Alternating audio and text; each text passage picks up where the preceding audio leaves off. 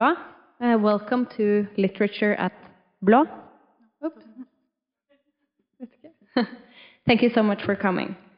Uh, tonight's conversation will be held in English because we're finally allowed to invite guests from abroad again. Uh, so, Yanick Lahens, welcome to us. Thank you for being And- invited. Synnøve Sundby. Uh, Yanick Lahens is one of the most uh, prominent contemporary authors in Haiti. Uh, her first novel was published in 2000, and then in 2014 she published uh, Bain de Lune, or Moonbath, as it's called in English, um, which she won the Prix Femina Prize for. This fall, Moonbath, or Månebad, um, is published in Norwegian, translated by Synnøve Sundby.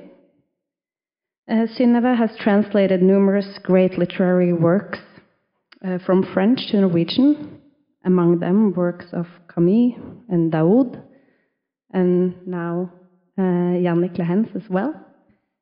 Uh, this year, she's also translated another Haitian author, uh, James Noel. His novel, Vakre vinduer Vakre vidunder. Unnskyld. Beklager.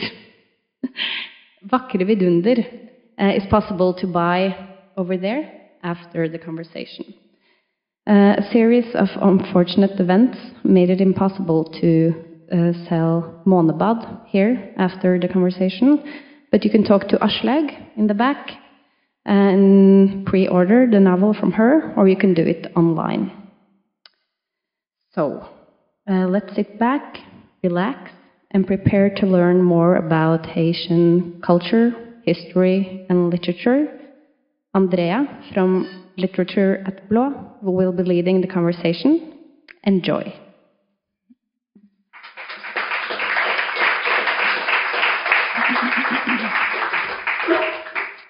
Thank you so much for introducing us. Um, and uh, again, welcome to Litteratur på Blå. Um, we have really been looking forward to this event. It's uh, the first uh, normal event we've had there uh, since uh, the coronavirus, and also first time we have international guests.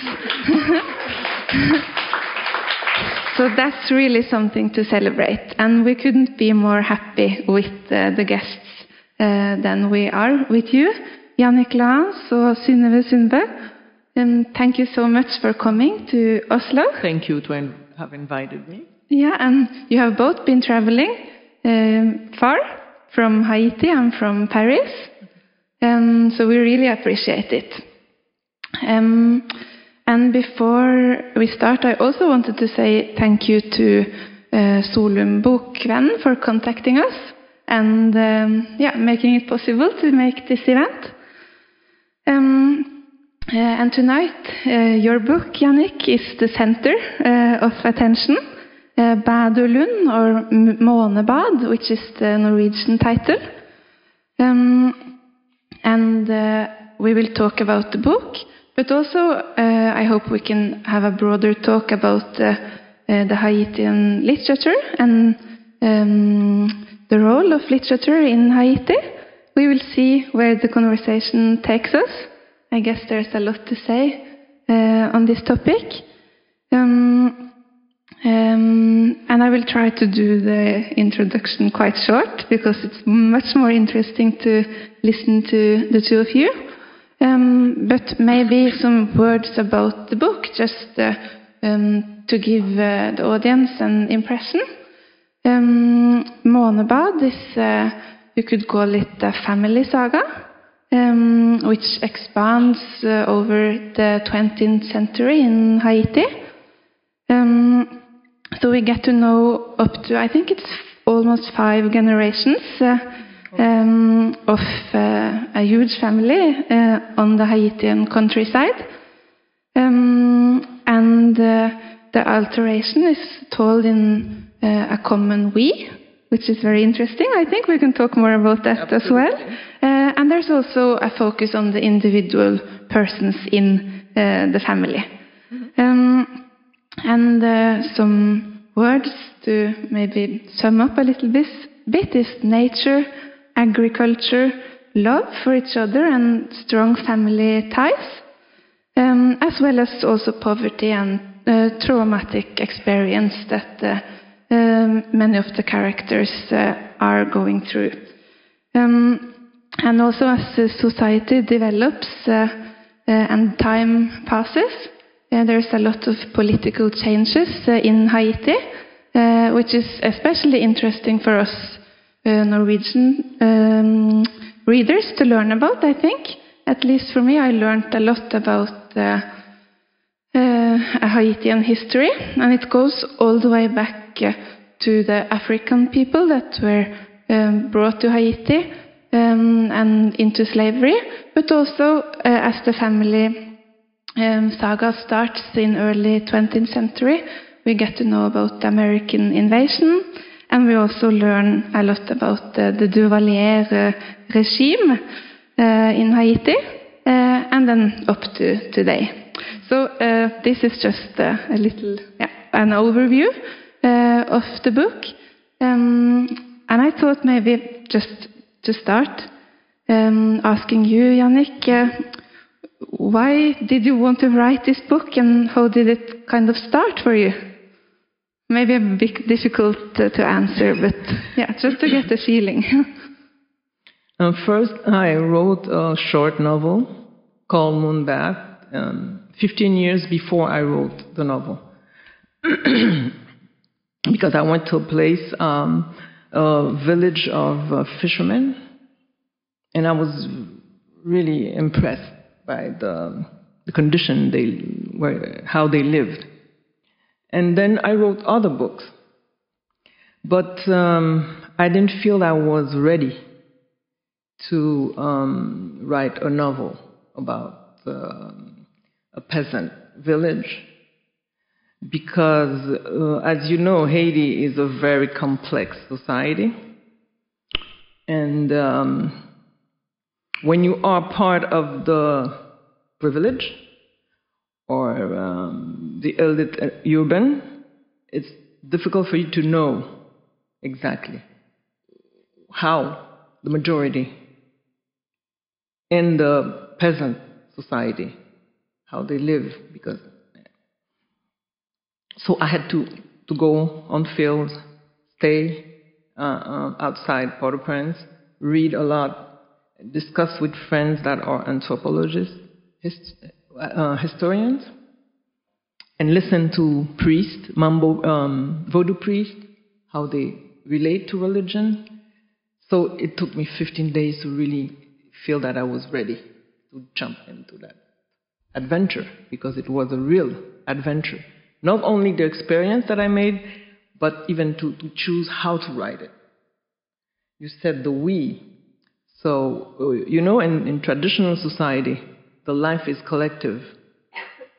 So I didn't want to, to, to, to use that um, external uh, third person that you, you, you write when you write a novel and you're describing. I just wanted to be inside the voice of the peasant to see that's how we live, and that's why how we perceive you from the outside. That was the first difficulty, but I, I loved it, the challenge. But the other challenge is that the, new, the, the we is not always the same we. The group moves. Sometimes it's the we of the women in the marketplace. Sometimes it's the we in the uh, extended family compound where they live. It changes. And sometimes we have a, a, a third person. So it's the collective voice of a society.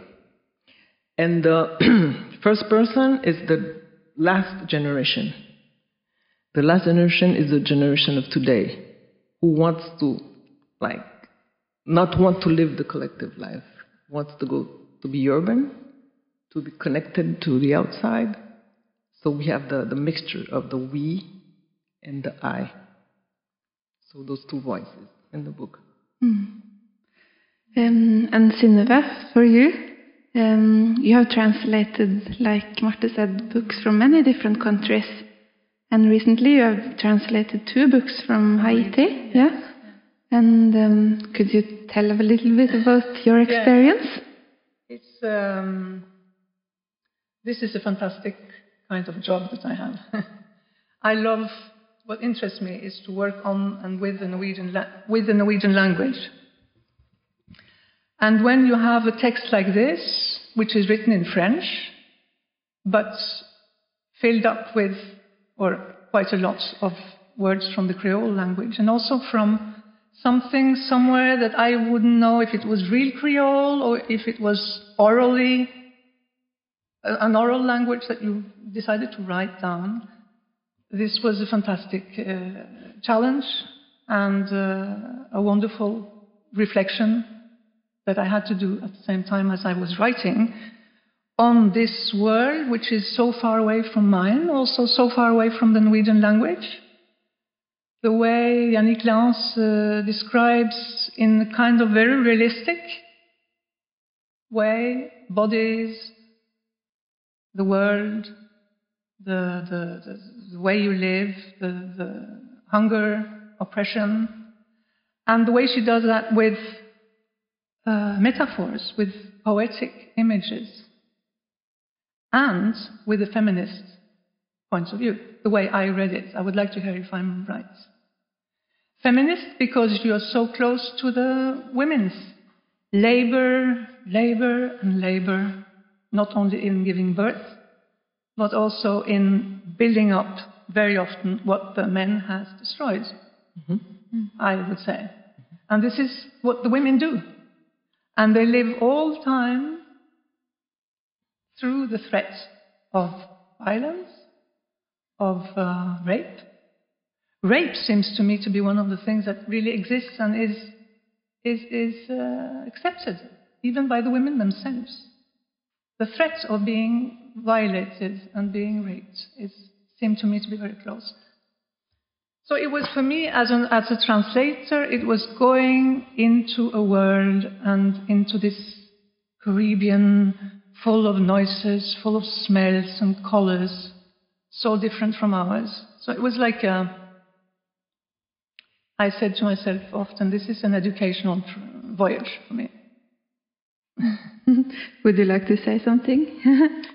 Um, it's feminist. I think they never ask uh, um, men writing, why do you have so many male voices? And you're no, no, it's No. not. It's not you. but like you know, Daniela Ferrier, all those They, but we've we've been listening to men voices for 200 years in Haitian literature. So since a few few years, dec- decades, the women are talking. So it was like I didn't even think about it. I just said I want to to make the woman's voice heard. I think we should uh, separate um, the status of women depending on the the class and where they are. If you take the, the peasant society, it's, we live, they live in extended families. The mm-hmm. father is there, mm-hmm. the uncle is there, the cousin is there, the aunt is there. So it's not like a Western family. And everybody's family, and we sh- they share everything. That's the. the, the L'habitation. Yes, mm-hmm. the, the la cour. So i it's what you call rape in the mm. and that I described. It's when the big um, peasant who is wealth, yeah, who has wealth and is rich and dominates, and there he comes and he chooses a young peasant to become his mistress. It's exactly Not only, not only, Yanick. That's Yeah. one of the parts of the Yeah, story. yeah, I'm, but- I'm, I felt this was in the air everywhere. But the, the power of women in the, in, the, uh, in the peasant world is that they are the one who live, who, who go away from the compound and go to the market. Yes. They have the financial power. yeah. So you, you, it's complex because you have, uh, um, how do you say, territories of power. When you go uh, um, in the urban society, the women are more or less object of uh, exploitation, but they also have the economic power because they are the one who dominates the um, informal market. If you go to the street, all the vendors, almost all the vendors, are women. Even if you you you go to uh, make um, how do you say that a bank of credit for people that are poor, they tell you they want they love to, to negotiate with women because the women are just very serious and everything. In that popular urban, the, the, the women are the head of the family also because the men mm, disappear. Yes. They're, they're not responsible and they're not they're absent and responsible and not responsible. So the head of the family are the women. So they have a, a social and political power, uh, uh, social and economic power, Maybe. which, which does not reflect on the political, because in the parliament you don't have women, Of course. but they have a political power in the society.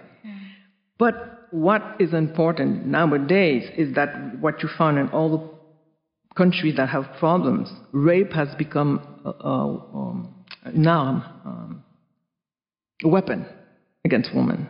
Now the violence against women is really, really because you have kidnappings, you have. So it is really uh, very, very rough today. But when you go up in the other middle class and bourgeoisie, uh, if you go up it's like the family in the Western world. You have the mother, the father, and you know the woman. It, uh, the emancipation is like Kate Millett or Simone de Beauvoir. That has nothing to do with that, you know. And and uh, I think we have to understand that is there only one way, one model of emancipation? No, I agree No, no. So we have to. Dis- I agree with you also. So is there on, the only way that you can emancipate is the Simone de Beauvoir way or Kate Millett? You know, sometimes I have the discussion discussion with French friends. You know, they're always talking about you know being feminist and everything. I say, well, in Rwanda you have 52% of the parliament made of women, and in France you don't even have 25. So you have to to to think about before saying that you know we are the model of emancipation. But what you write here. Yeah, I was going to This is- ask, this maybe- is- and this is kind of the core of what I felt I was dealing with when I was putting this into Norwegian. Mm. And you have uh, chosen a A, sh- a part, short part that I that's can read that illustrates. yes. But what I'm saying is, of course, there are more than one way of being feminist. And of course, we are not here in an urban society. We're, we're amongst very poor peasants. But the women are over eroticized. Can you say that in English? Over eroticized. They are always objects of erotism. And there's kind of no other way. That's the way of also keeping power, of course, if you. Huh? So their way of dealing with this.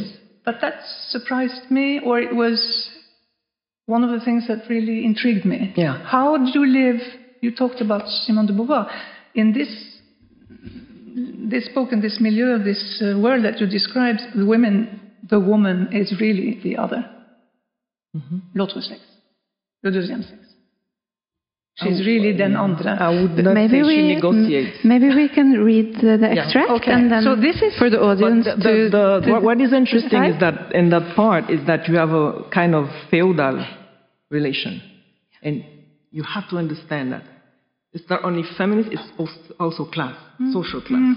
You you cannot separate this aggressivity of gender from the aggressivity of a, Mm-hmm. Of social. of social Yes. structure. Yes.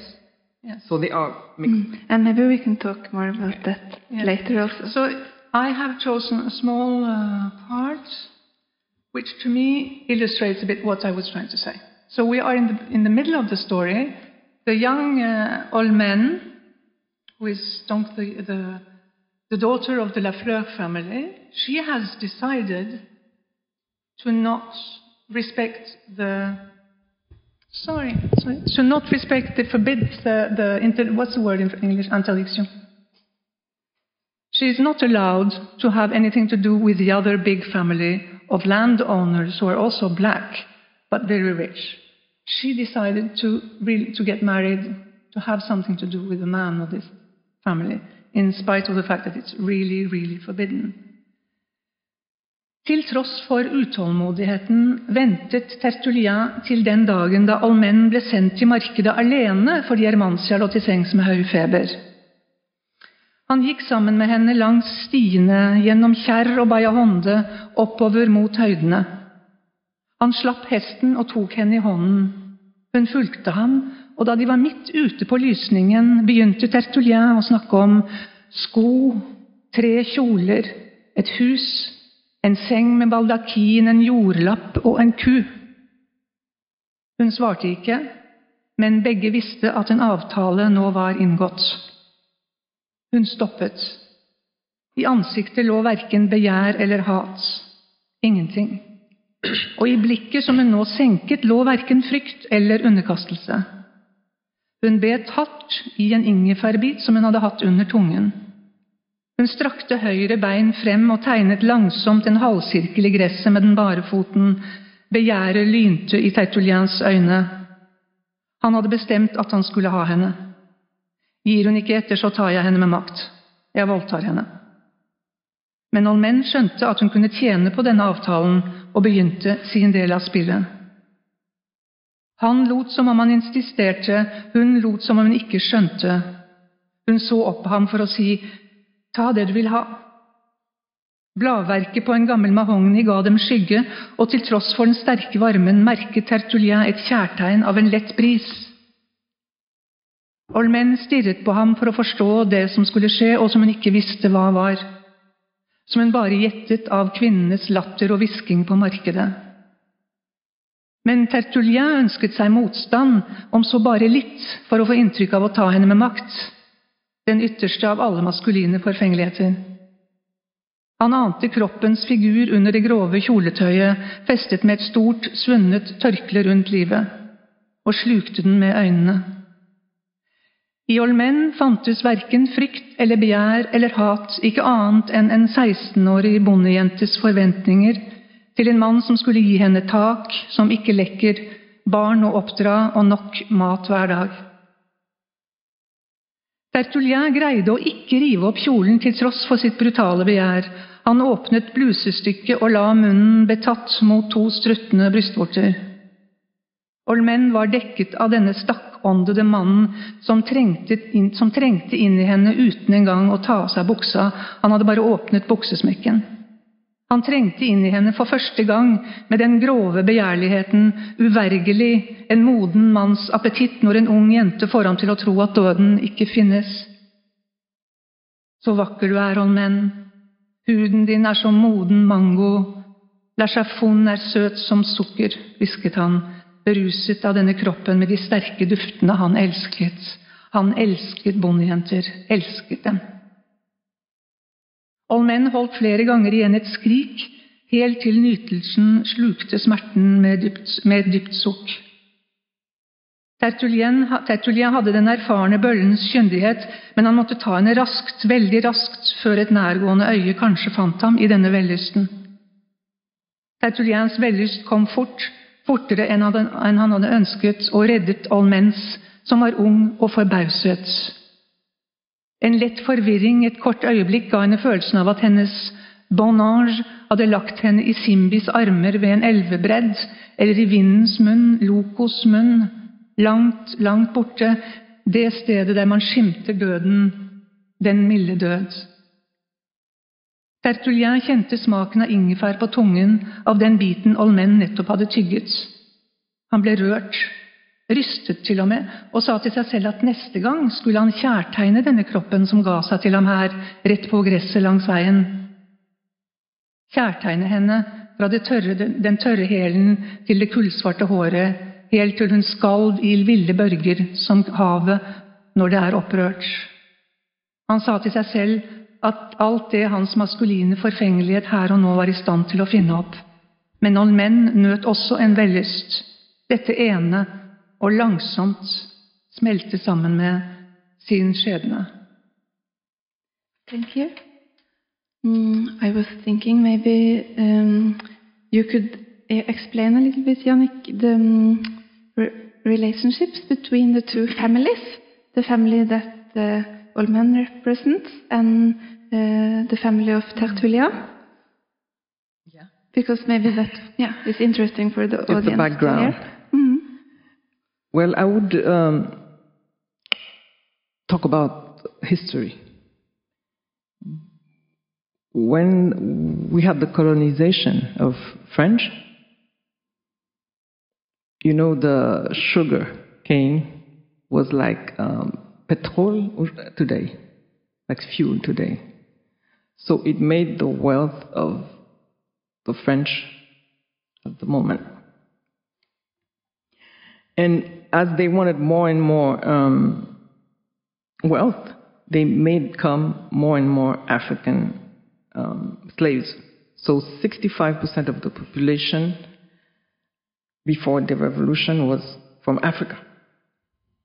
And they had a few, uh, a few colon, French colon, um, and a few people that had children with the French when the independence was obtained in 1804. What happened is that they recreate and form an internal, internal colonization. So you have a group which they call the Creole, who tried to reproduce the only society that they knew was the French society, and the only way, um, way of production that they knew is big land with monoculture. The great majority of the population reject this model of society and created their own society during all the 19th century, the 20th century, which rejected the big um, land of with monoculture. They have their small lands with diverse culture. They rejected the Catholic religion. They had their own religion. They really rejected the French language and everything. They just created their own civilization. That's why I, I, I said we have to refer to the, the, the history and class. Mm-hmm. The fight between those two groups is the it's a class fight, and it's a, it's a fight between two ways of seeing the world. And the feudal um, relations still remain between the family that is rich and the family that is poor. Even if the feudal uh, system in, in France, you had those types of relations, you know? So you have to, to, to see what is happening there. It's, I have power, so I can have that young woman. That young woman is poor. She's saying a man that has money and that can maybe help her. And that's that. You have a relation with those two groups. And everything you see, the problems even today in Haiti, is the battle between two um, way of seeing the world. And the, those, this majority group, they always call them the pays en dehors, like they were out, they had nothing to do. And the state that the, the, the elite and the Creole imagine has nothing to do with, with their lives. So it's the root of the, the, the non understanding and non communication of those two groups. And today, when you have demonstrations, you have problems, it's the first, the, the, the fourth, fifth, sixth generation who today say, we want to be citizens mm. as everybody, mm. you know? And even the women now in the streets, they say, we want our rights, like, we want the Creole. Creole now is, is becoming a official language, and the, the, the, language of the, I would say, espace public, I don't know how to say it in English, but... The, the public space. Yeah. So here it's the beginning the two the two systems are one in front of the other and how they negotiate. From the negotiation, you have sometimes clashes. From clashes to negotiation, clashes, and now big clashes. So it's a whole mutation, a whole evolution. And why I like uh, novels, because novels, it's a form of literature that you can introduce complexity. Mm-hmm. Because I could you know, uh, put Olmen as a whole vic- only a victim, 100% victim. But she's not 100% victim. She's poor, and does a, she something is happening in her, in her mind.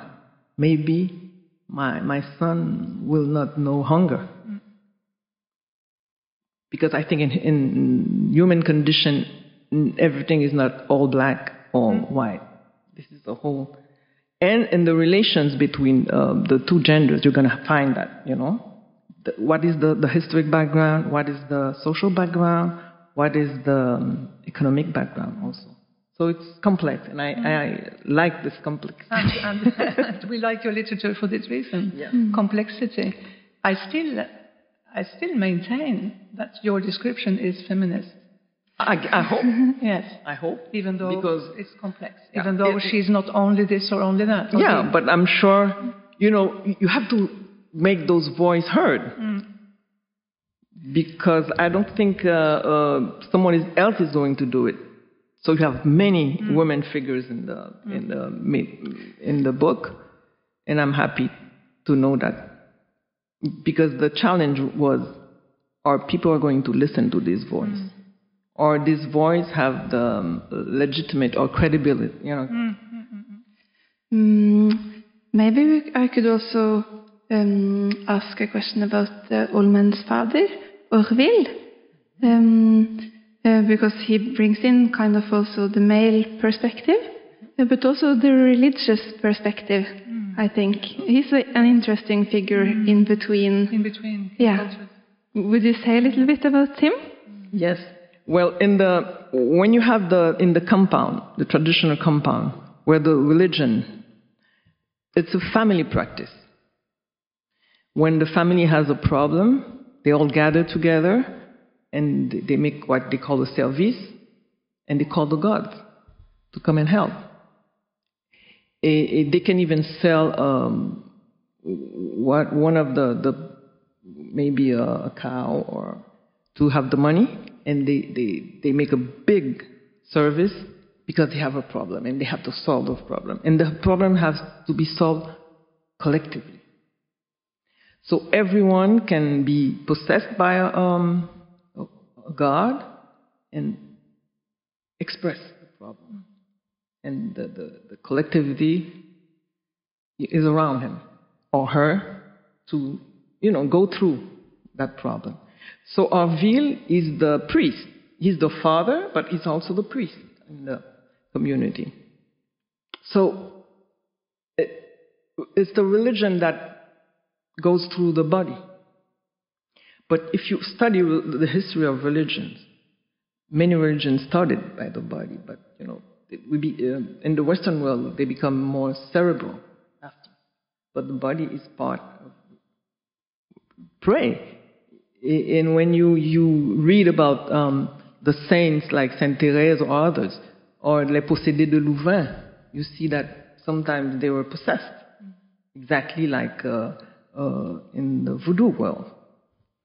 And um, it was a way also to, to show that you can pray. The human condition has so many ways that it can express itself. If you think there is only one way and one model, and when the condition, human condition, well, you cannot understand the world today. Because I think um, the dominant model is now it's a minor- minority model. I was not raised in a, a voodoo family, but I, I came back to Haiti after my studies, and I said, well, I have to know the country where I live. And I understand that if you don't understand the deep culture of this country, how can you understand the demand of the people, why they want to change, and how they, they see the change? So it's a whole education. And I think that's why some people say this novel is very a post-colonial novel because I don't put it in the perspective of um, it's an all new per- perspective. I see the world from the other side, and uh, and I and when I was describing that uh, voodoo uh, service, I wanted to show the, um, the quest for spirituality. Because they, they tend to uh, show voodoo as, you know, people uh, putting things on a little doll. It's more complex than that, much more complex than that. It's spirituality. Yeah. And in your book, uh, they meet challenge because uh, some Catholic priests they come and challenge the family, or or maybe not, because the fam they they are somehow it's a- I like that you mentioned that because it's a whole relation between the Catholic priest Yeah. and them.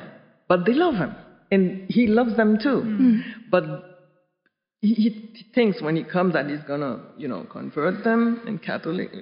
They make him believe that they will, but they won't. At the end, he says, "Well, I don't think they will." But they love him because he's he shared the, the experience of poverty with them and they feel he's closer to them than the young revolutionary that comes with uh, Marxist beliefs and wants to change them. Change them. His, this, his a speech is of further to them than the experience that they share with the priest. So I wanted to, to make realize who is the stranger. The stranger is the person that has no experience with you. The person, either he's black, white, he's, he speaks another language, he shares something with you, he has an experience with you, he's part of the collectivity, and he's close to you. Yeah. And um, maybe to ask you, Synnøve, also, because um, in the Norwegian translation, uh, you have left uh, in many French words and also uh, Creole word, words, and also, yeah, could you tell a little bit how it was for you to work with these new words? It has to do with the fact of strangeness that we need to keep a little bit. Translation is also about allowing strangeness.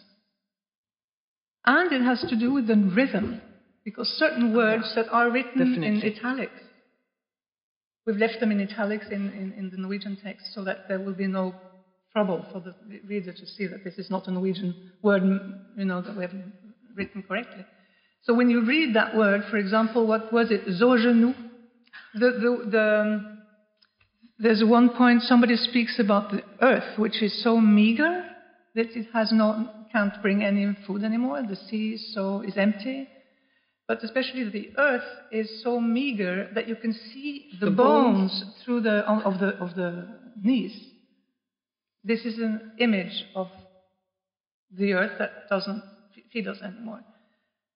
And that's so fantastic, that word in, in, in Creole. It says, Zogenou. Yeah.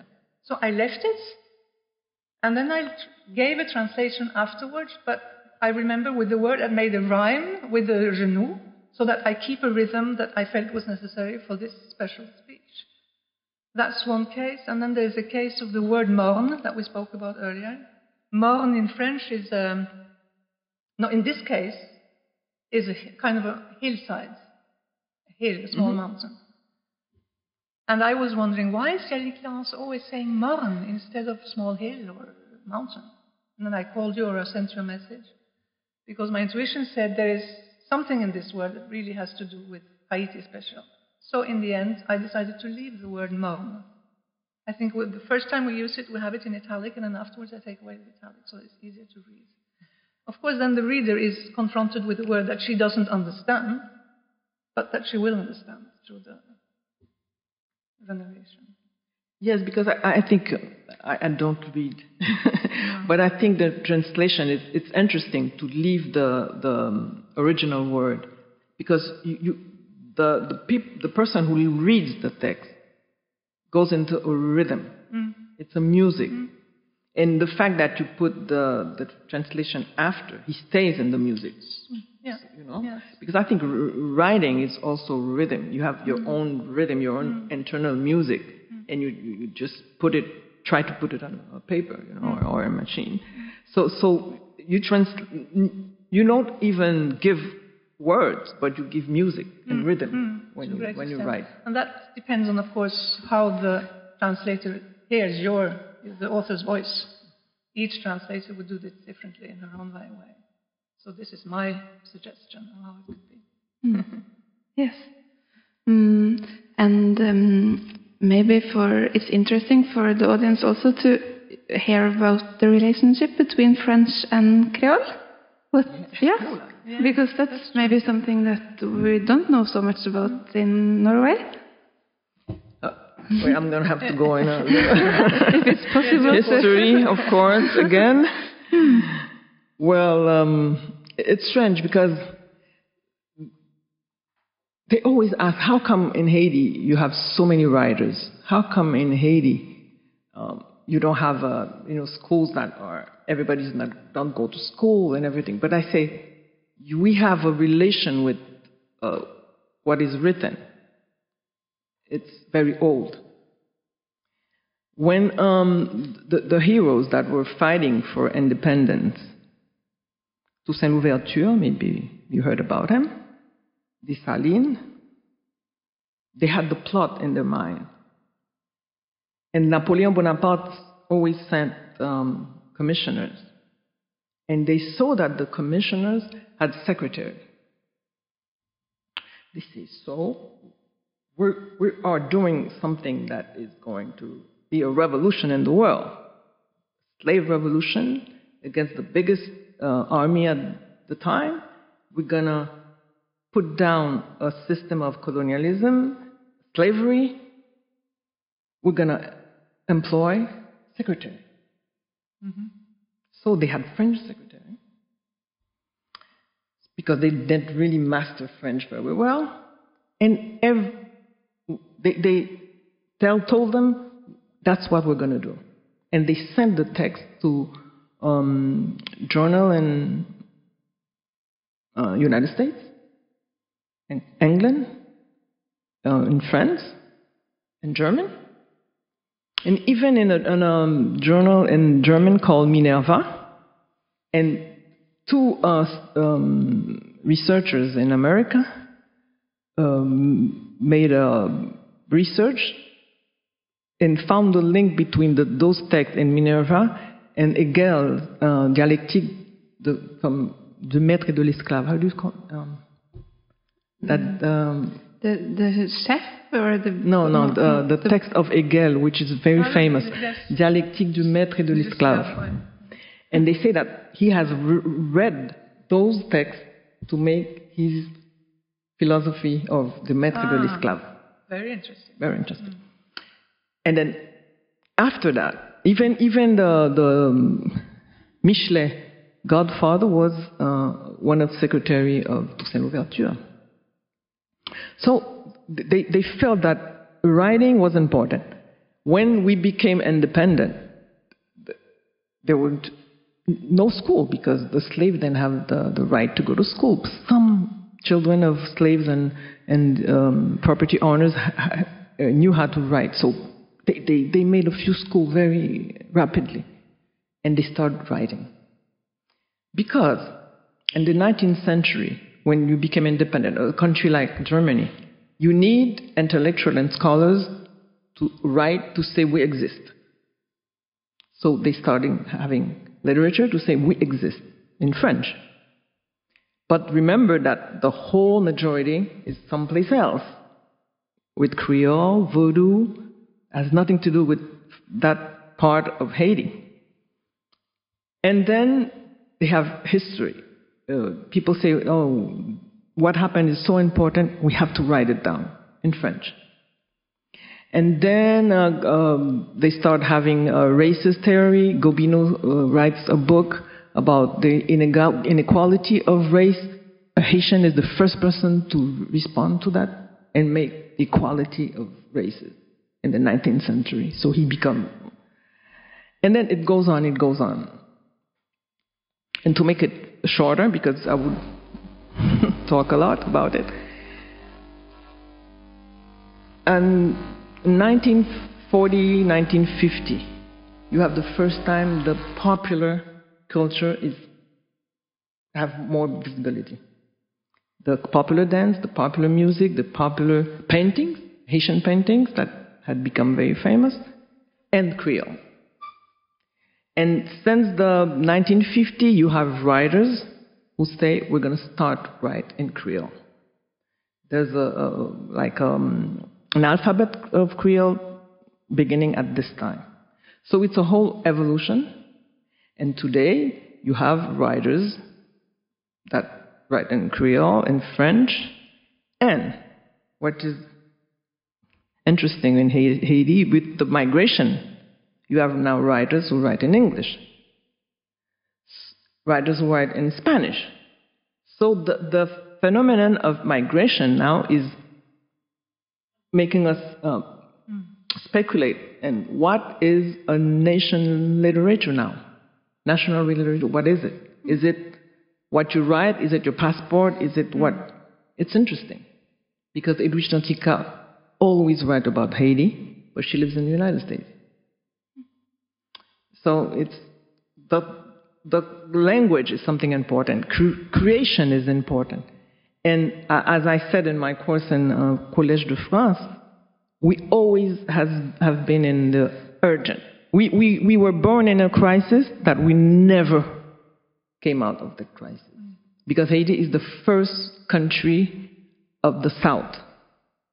Everything that the, the country of the South will know, we have known it at the beginning. The embargo, the, the, the debt to pay to France during a whole century. This maybe I don't think so many Norwegians know about. so all these things made us the, like the pattern of the southern country is Haiti. Mm. And so the, the, writers, the creators, uh, um, like they, they feel the creation is a way of saying we're in an urgent situation and we, um, and we, we dream to be able to inhabit this country mm. till today. Mm. That's why it's important to have. Uh, but when you say inhabit, you mean to be seen, to be to be to be to be accepted. able to, to, to live in this country, and because this country, mm. they made it yes. that we cannot live in it. Yes, like to be the real inhabitants of this country. Mm. Mm. And Synnøve, said to me on phone when we spoke yeah. that uh, you had heard this saying that Haiti is the country with the most uh, artists yeah, per inhabitant. Yes. Yes, because we're always in crisis. I don't know if, if there's a link between crisis and creativity, mm. but it's true that uh, we, we, even have uh, classical music mm. from the elite, and you have uh, popular music also. And today there's even a revival of classical music in the country. We're in big crisis, but painters, musicians.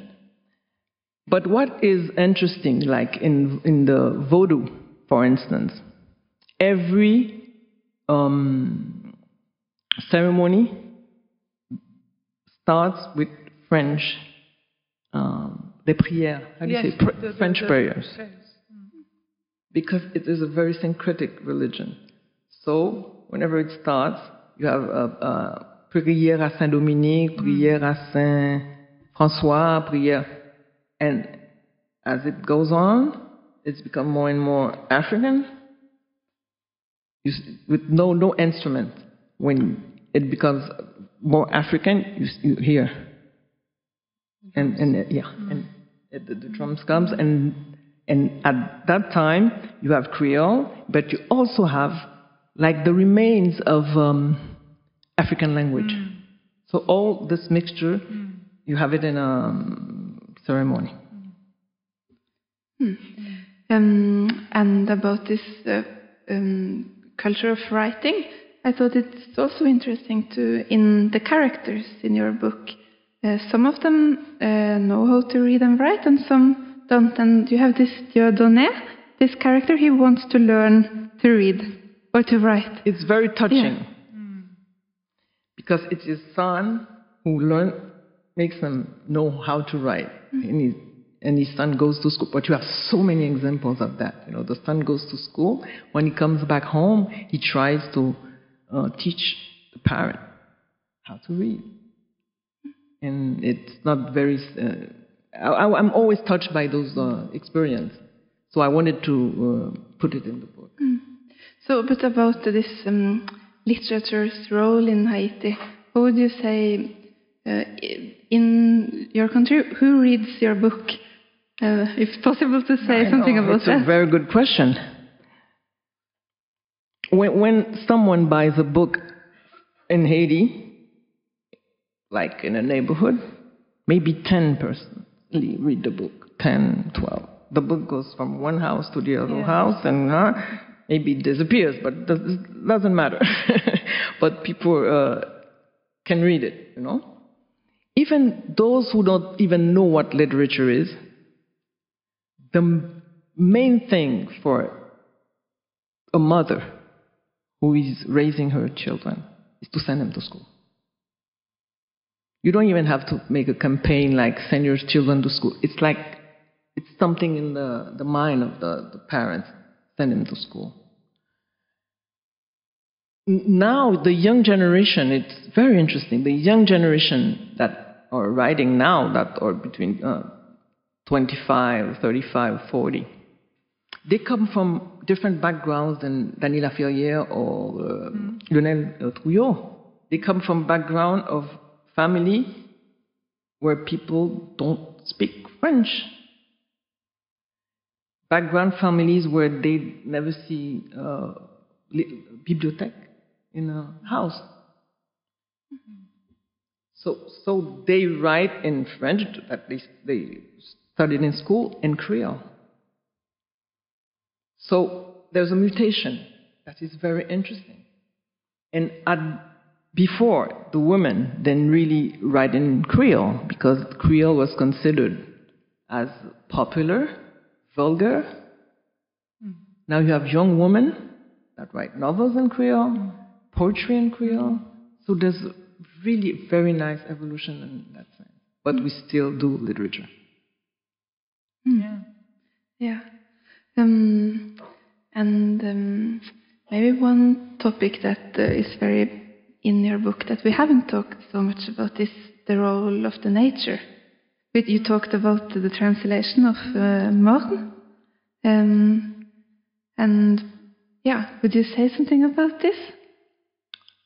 Nature is maybe one of the les personnages du livre, one of the characters of the book.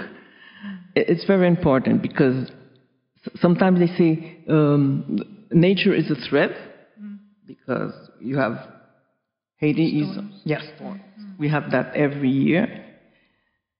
And I don't even talk about um, tremblement de terre. Earthquake? Yeah. But also, nature is um, habité.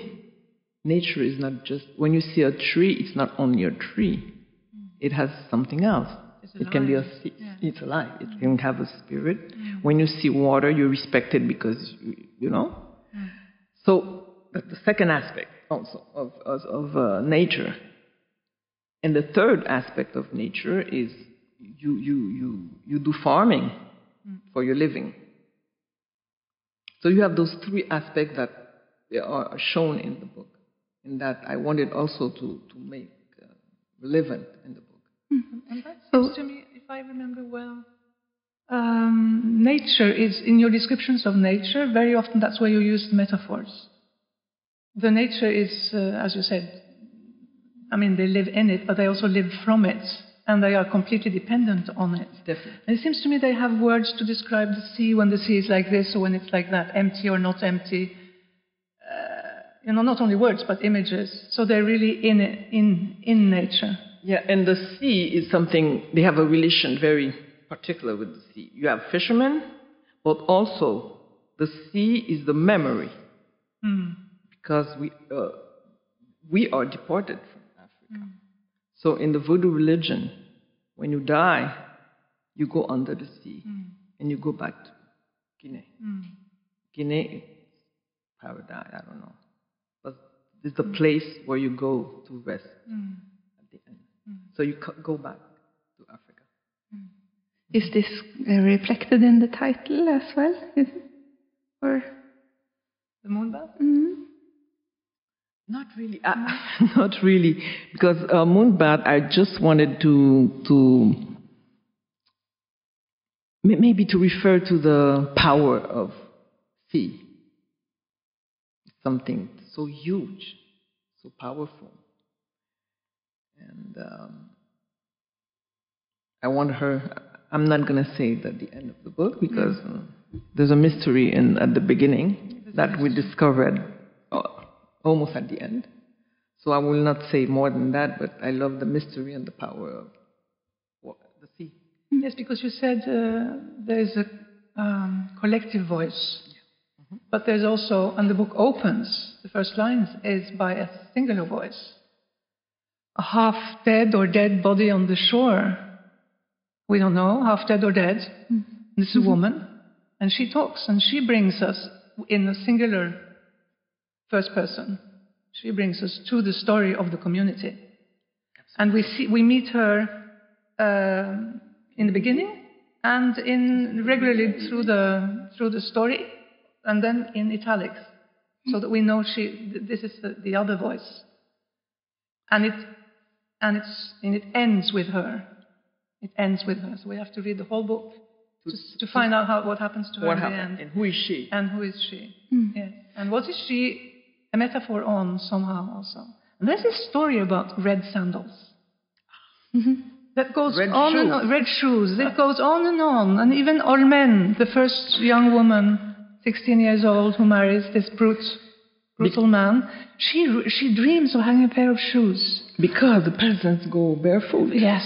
And When the you have a pair of shoes, it's like a social promotion. Exactly. And it comes back You in the last shoes. line Go get my shoes, and I know how, who I am. Would you like to maybe read this uh, uh, voice In now? French? No, it would be good if you read it Uh, in French. where? The- The- the- the this last- one, number 43. Ah, you okay. take it in your book. To give uh, the audience an And then I could, impression? ever, I could read it in We Norwegian. don't have to say much more because No. the, the, So we all the start- mystery is the book. We so- start in French and then we do the Norwegian version. Yeah, I think. So Yeah. this is the last uh, chapter. Ma vraie mort commencera quand on me lavera, qu'on me coupera les ongles et quelques mèches de cheveux qui seront soigneusement conservées dans une fiole. Et Dieu donné mon Père, Silianis, Fanol et tous les autres me confieront des messages pour ceux et celles que je verrai ou reverrai avant eux. Dieu donné murmura les trois phrases sacrées à mes oreilles. J'irai seul sous les eaux laissant mes dieux protecteurs dans l'eau de la calebasse tout à côté de moi. Quand après quarante jours on me sortira de l'eau, je tournerai enfin les yeux vers la lumière, et ce sera pour les miens le début d'un compagnonnage avec eux. Ma mort ne sera plus un tourment. Je panserai les plaies, j'adoucirai l'amertume, j'intercéderai auprès des lois, des invisibles. Je demanderais bien à Altagrace et à ma mère, si je le pouvais, de me vêtir de ma robe blanche, pareille à celle d'Erika dans le feuilleton All My Children, et de me chausser de mes sandales rouges à talons hauts. Altagrace, ma sœur, sait exactement où elle se trouve dans une malle sous mon lit. J'aimerais arriver en Guinée ou près du grand maître avec une robe de reine et des pieds rouges feu. Je suis ainsi faite, je suis fille de Freda. Do you want me to read it in Norwegian? Just, Yeah. It would be nice. Who is Freda? It's a uh, goddess, the goddess of love Goddess in the of love. Okay. uh, Voodoo religion. Hmm. Okay, so I will read the Norwegian translation, my translation of this part, which is the last last uh, sentences of this text. It has to do with death and going back to through the sea, as you said, going back to the original where I came from. Min virkelige død begynner når de, når de skal vaske meg, når de skal klippe neglene mine og litt av håret som forsiktig blir lagt i et lite futteral. Og min far Dieudonné, Silianis, Fanol og alle de andre vil betro meg beskjeder til dem jeg skal møte, eller møte igjen. Og Diodonne hvisker de tre hellige prinsippene i øret mitt. Jeg skal gå alene under vannet, holde mine beskyttende guder i kalbassens vann, helt tett inntil meg. Etter 40 dager, når de trekker meg opp av vannet, kan jeg endelig rette øynene mot lyset, og det blir for mine folk begynnelsen på et kameratskap. Min død skal ikke lenger være en sorg. Jeg skal stelle sårene, jeg skal lette på bitterheten, jeg skal gå i forbønn hos lavaene, de, de usynlige. Hadde jeg kunnet, så ville jeg bedt Altagrass og mor om å kle meg i den hvite kjolen, den som ligner på Erikas i serien All My Children, og ta på meg de høyhælte røde sandalene. Altagrass vet godt hvor de er, i en koffert under sengen. For jeg vil reise til Guinea i dronningkjole og møte Gametre med ildrøde føtter. For sånn er jeg. Jeg er fredagsdatter. Thank you. Mm, so this is a short uh, extract from the uh, book, but it has in it many elements that. Uh, Yes, and I have to come back to feminism. I do. I mean, this is finally this probably dead person, half dead, that we meet in the beginning, showing us through the whole story. And this is where she says, "I am going to be, I'm going to be uh, standing up, and I'm going to put on the red sandals, even if I have big peasant feet." And something I also uh, think is um, no, not funny, that's not the right way to say it, but is this reference to this TV series. Because here Yes. we see we are close to our times, and we see also this, um, yeah, like you said, popular culture. Um, so how does that affect uh, the peasant people, I mean, with the TV and uh, everything? From the beginning, the, the first generation and the last generation, you see the mutation of the of the peasant society. She goes to school. She goes to school in um, in a city near the the compound of the traditional family. She has a cell phone, and she looks at television. That's the young uh, people we have today, and the, these are the ones who go uh, and um, protest today. These are the ones who want to leave the country. So it's we have to put in our mind that no society is static. You know, some some people think the peasant is always the internal peasant. No, he, he, there's a whole evolution, and that's to understand what is happening. You have to go through that. That's why I made I wrote the saga, so that I could show how Haiti is maybe uh, an example today of not only the post-colonial, because it was the first post-colonial country, but the post-colonial um, creation, creativity, and also today the challenge for a country like that in the region.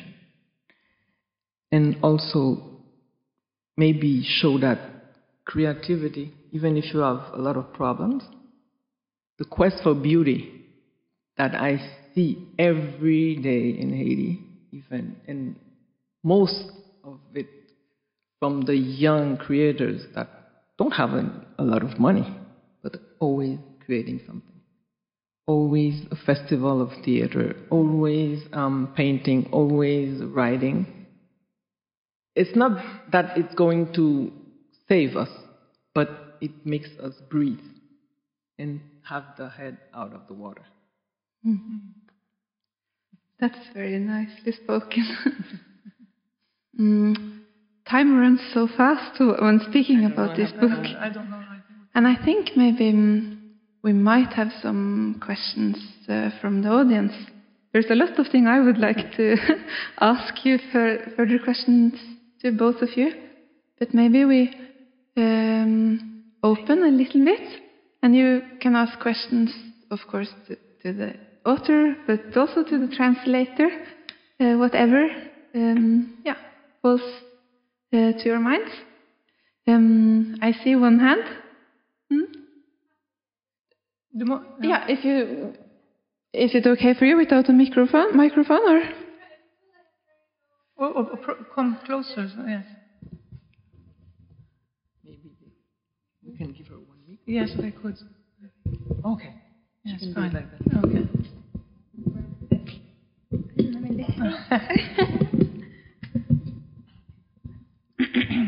Maybe we. Jeg så Åh, It's my life. We can Um, use this. So thank Thank you so much for the talk to all of you. It was very, very interesting. Um, I have a question about the collective voice. So I haven't read the book yet. I'm very excited to read it. Uh, so it's kind of an explorative question, I guess. But um, you mentioned that this, this we is always changing because groups are kind of changing all the time, right? And what kind of what I was thinking about is that in a group there's always a conflict, I feel. And I was wondering when you write with kind of a, a we narration, did you have a challenge to express conflicts in that kind of language? Like to express disagreement or, yeah, these kind of things? In traditional cultures, you don't um, resolve disagreements the same way you resolve it in a modern country, yeah, modern society. There's always discussion, so you, you, you, you reach a form of consensus. Um, when you're in a modern society, it's democracy, 50 plus 1. you have, you're right, you know, but it's, it's also efficient in small group. The Lakou, it's an extended family. They share everything. Like in an in, in, in extended family, no, if there's food for one, there will be food for everybody. For instance, even if the share is not equal, but everybody will find something. So for the where there's a conflict, there's a quest for consensus, and also um, the one who is the priest, like uh, Dorville or Ville, has uh, like what I would say a little superiority in finding the final solution for a conflict. And uh, the Vodou ceremonies also is a place where contradiction, problems, they try to solve it. But if you are brought up in a Western way of seeing things, it's, it's a whole process to, to try to understand. I, I went through that process to try to understand um, what is collective way of life and we that we know we have my lawn of garden my apartment my car my it's almost not even conce- uh, concevable how do you say? Yeah.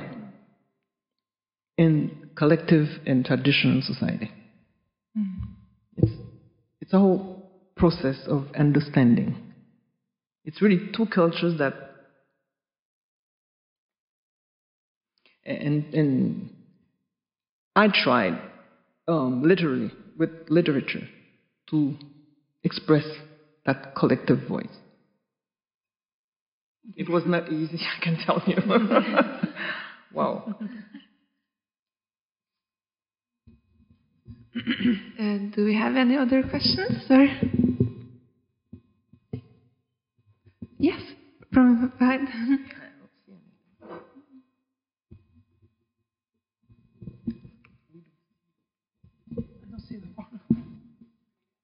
Yeah, yeah, yeah. Uh, it's not a. I haven't thought about this question very much, but it's based on the last reading of the voice of what's her name? Set Setu? Setut? The last? Is that what I remember? Yes. I was very lucky. I got to read the book. Finished. she is the last. Um, she mentions all of her children in her last sort of thoughts, but also that she will meet the gods as the daughter of Freda. So she has the modern, but also the voodoo background. She really believes she will come to Guinea. She will be, you know, the daughter of the gods, even though she is modern. So it's the meet.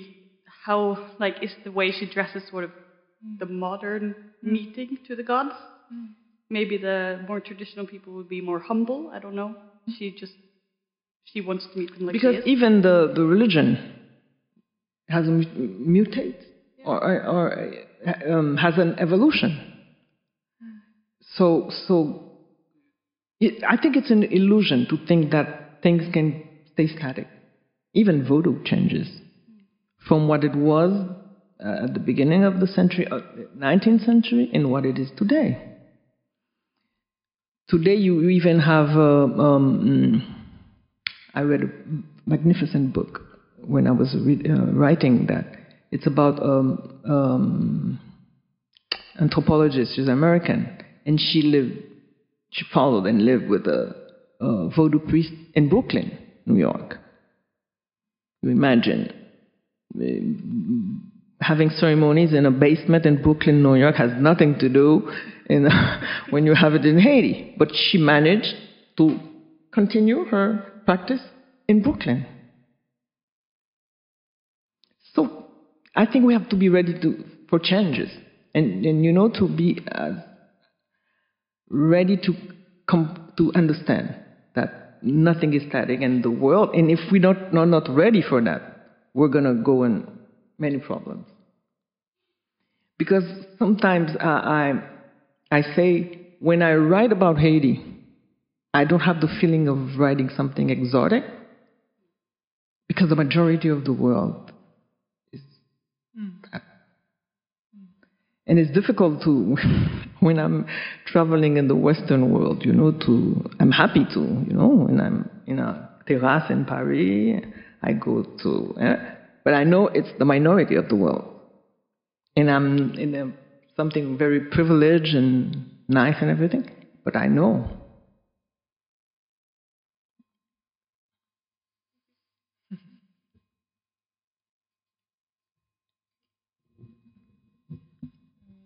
Does someone else uh, want to know more about something or?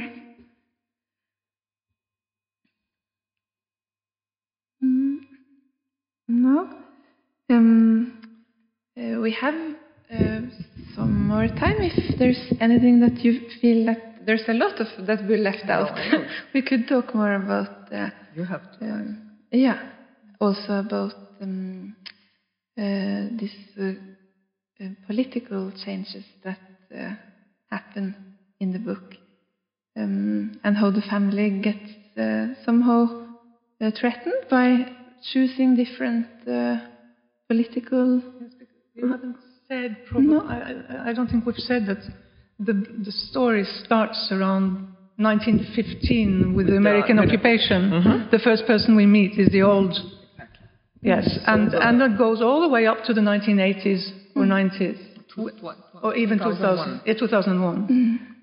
And with all the political changes, hmm. American occupation, then some peace and then the Second World War, and then the, the dictatorships, with all the quarrels within, even within families, and then some democratic uh, desper- desperation that doesn't work.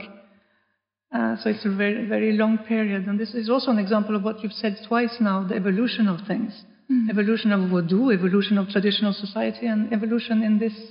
What I'd like to, to maybe, maybe put a, a little emphasis on is that sometimes people don't grab the, the fact that there's happiness in the book. Mm. Not only problems, mm. a lot of happiness in the book. I love the, the way the peasants, the women in the market at night, mm. when they have sold everything, they sat together, they laugh, they talk about everything, and this is a moment of pure joy. Mm. And because it's not having a big car, a big thing, no, it's just a joy that has nothing to do with material. And they're happy. And they're there sitting in the dark. No light, but they have little candles. Mm. And it's a moment of joy. The other moment of joy is when the, the um, old man's son is being baptized and they, mm. eat, they are eating. Yes. This is a second moment of mm. great joy. So there are moments like that of joy, but people don't even, oh, there's no moment of joy. No. Maybe it's not the kind of joy you imagine in your head, but there are moments of bright light and joy. When uh, the, the young uh, man is, um, the young boy is learning how to swim, he goes very far and they're yelling at him and he comes back. And so many, very simple life. Mm, and the father fishing. Uh, And I also thought we, we spoke earlier about this thing with childhood. And we have this one character. He goes to United States and he comes back after many, many years. And there he, he has a, a moment of joy, doesn't he? Yes. He sees his I, I childhood. that, yeah. And uh, But still he leaves after. He doesn't stay there. because migration is um, is a central um, reality for southern countries. And if you if you like if you, you see migration in Haiti has started from the beginning of 19th, uh, 20th century till today, you know. So migration is something that is sharpening and reinventing what we call nation. Uh, what is a language? Is this is it a language of one nation, or is it a language of many regions? Now, if you go to Florida, you have the signs at the airport in English, Spanish, and Creole. If you go to, to, to Chile now, they, they teach Creole in the, to the policemen, they teach Creole to the um, medical system. You have Creole in Canada, you have Creole in Florida, as I say. So migration is reshaping. And I, I think it's very interesting to be um, conscious of that, to have the conscious that things are not still. Thank you so much. Um, and I think um, uh, maybe it's a good um, place to to end. Unfortunately, I'm so because the time is running, and and uh, I would love to talk about this book uh, all night. but uh, I really, really recommend uh, everyone here to read it, and it's not. Uh, mm, so much time left before it's printed. And they say the translation was very good, but Yes. I cannot judge. what Yeah. they said was. I I tried to read the French uh, version, but my French wasn't that good anymore, and I read yours, and and I had really the same experience reading it. So was was very very nicely done. Um, so if you want to pre-order the book, uh, you go and talk uh, uh, with the woman raising her hand in behind, and then we also have um, uh, Camino Forlag here tonight. Uh, and they are selling another uh, Haitian book, um, as we said earlier. Uh, so you find the books at the right side of the door. Um, and uh, I really hope that um, we'll have more Hai- translations from Haiti. yeah, maybe from, like you said, Spanish or Creole or or English as well. Yeah. It's very interesting to hear about this new development in yeah. Um, yeah, and you have one last chance to ask about something more. Um, yeah.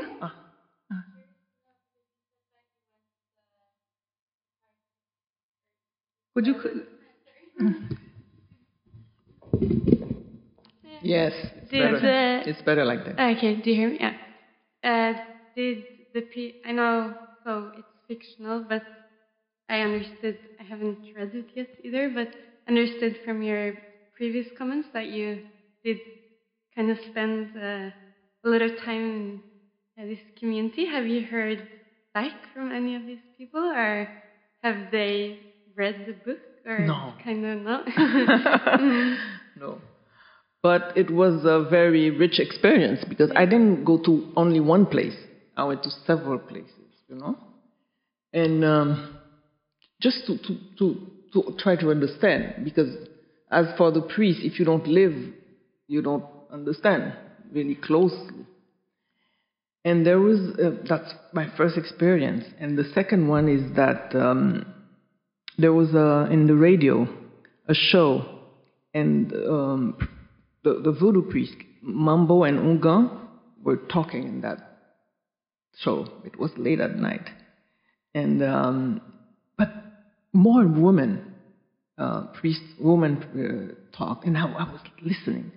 And they were talking about how the, their childhood, how, how voodoo sh- shaped their, their life, their personality, and everything. I was there? Even at my, my family was starting to say, oh, stay late at night listening to those things, you know, they were a little afraid. But I kept to understand. And, and they were saying how they felt protected, how they felt uh, when they have a problem. They refer to that. It's a religion, as they say, for poor, for people that are in need, for people who suffer. So I, I had to understand that. So I, I, kept listening to them. I went to um, to, to, see some uh, ceremony services also, to see. I had seen before, but I, as I was writing the book, I wanted to understand.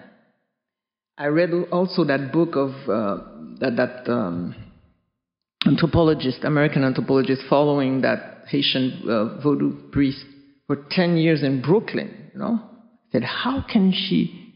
I mean, the drums in Brooklyn in the basement and everything. So he did it, and she's not the only one. So many uh, voodoo priests in Brooklyn. A Haitian neighborhood in uh, United States. So it's interesting to, to, to see how um, what it represents for them. Oh, I, you know, for to to write, it's fiction.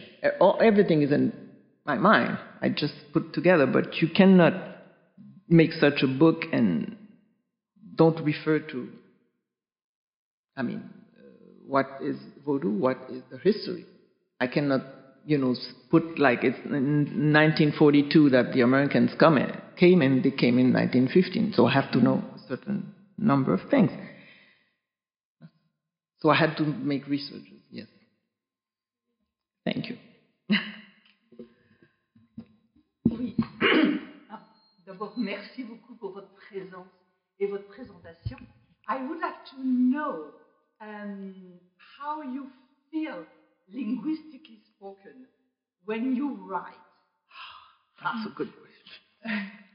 I mean, because you are inhabited so many languages, of course, because there is French, there is Creole, and most probably some variants of Creole.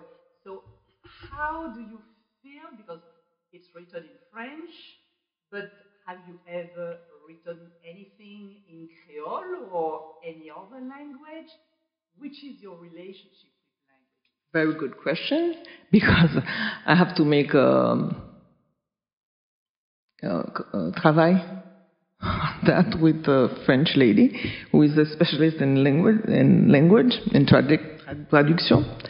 So I met her on Saturday and we discussed about it. To, express my position. Do I have a maternal language? I ask myself. Because I, I think a mater- langue maternelle is something that you can express the whole experience that you have as a child growing up. You have only one language to. But when I was growing up, I had French for a lot of experience and Creole for a lot of other experience. And I, I, when I was working for the uh, course in uh, Collège de France, and I had to deal with that. And I read something that Derrida said about his own position. He said, I was in North Africa, so he had Arabic, but his, in his house they spoke um, French, and he was, he was Jewish, so he had Yiddish. And he said, Je n'ai pas de langue de départ, mais j'avais une. I don't know how to say it. I don't have a starting language. But I had a langue uh, d'arrivée. I have one that I'm going to. Because it was the language of l'ascension sociale, mm. everything, power, mm. knowledge, mm. and everything, which was French. And it's, it's, I think it's the situation of all the, the person who, who and my, till my, until my generation who were writing because we were born in families that I saw books in French in my house. Lyonel Trouillot a book of French in his house. Dany Laferrière also. We went to school. But the new generation, they have a, a langue de départ. Mm. How do you say départ? Starting language. Which is Creole. Mm. Because they are born in Creole families.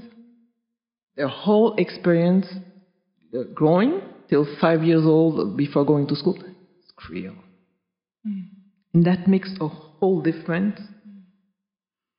And I, I feel like in this generation, they, they don't write Creole like, like uh, militant, en tant que they're fighting for Creole to be accepted, because this fight was my generation. Now, you don't even have to fight, it is a central language. So there's a question of generation. Now, a, a few days, a few uh, years ago, I chose to make the Creole also my lang- language of arrivée. The language I'm going to. And it's not because you, you speak Creole that you can write a literary piece in Creole, because literature is literature. So it, it's very complex. Plus, at the very beginning, Creole, like the African culture, was an oral culture. So it was It's a second problem. to have to write anything. So it's another uh, question which is in, uh, very important, but because they made Creole uh, official language in 1987, but they then really um, make books enough so that all the, the, the classes can go in Creole. But the people are not going to wait for you to make books so that the, the, the, the, the, language you talk beco- becomes a powerful language. So it's more oral now. If you have many radios in Haiti, so many radios, 98% of them are in Creole. So it's oral. And, and for that, I think uh, um, um, thinker like Glissant, I think is a very bright. He, he, he imagined already what he called the future, the multilingualism of the future and the oral of future. He, he's one of the, I think, the best thinker about this problem. So I'm a, how would say, um, apprentissage pour l'écriture du créole en.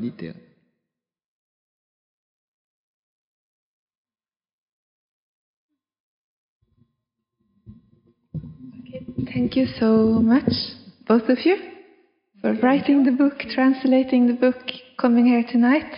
Thank you. We're very, very happy. so let's give an applause to the two uh, authors.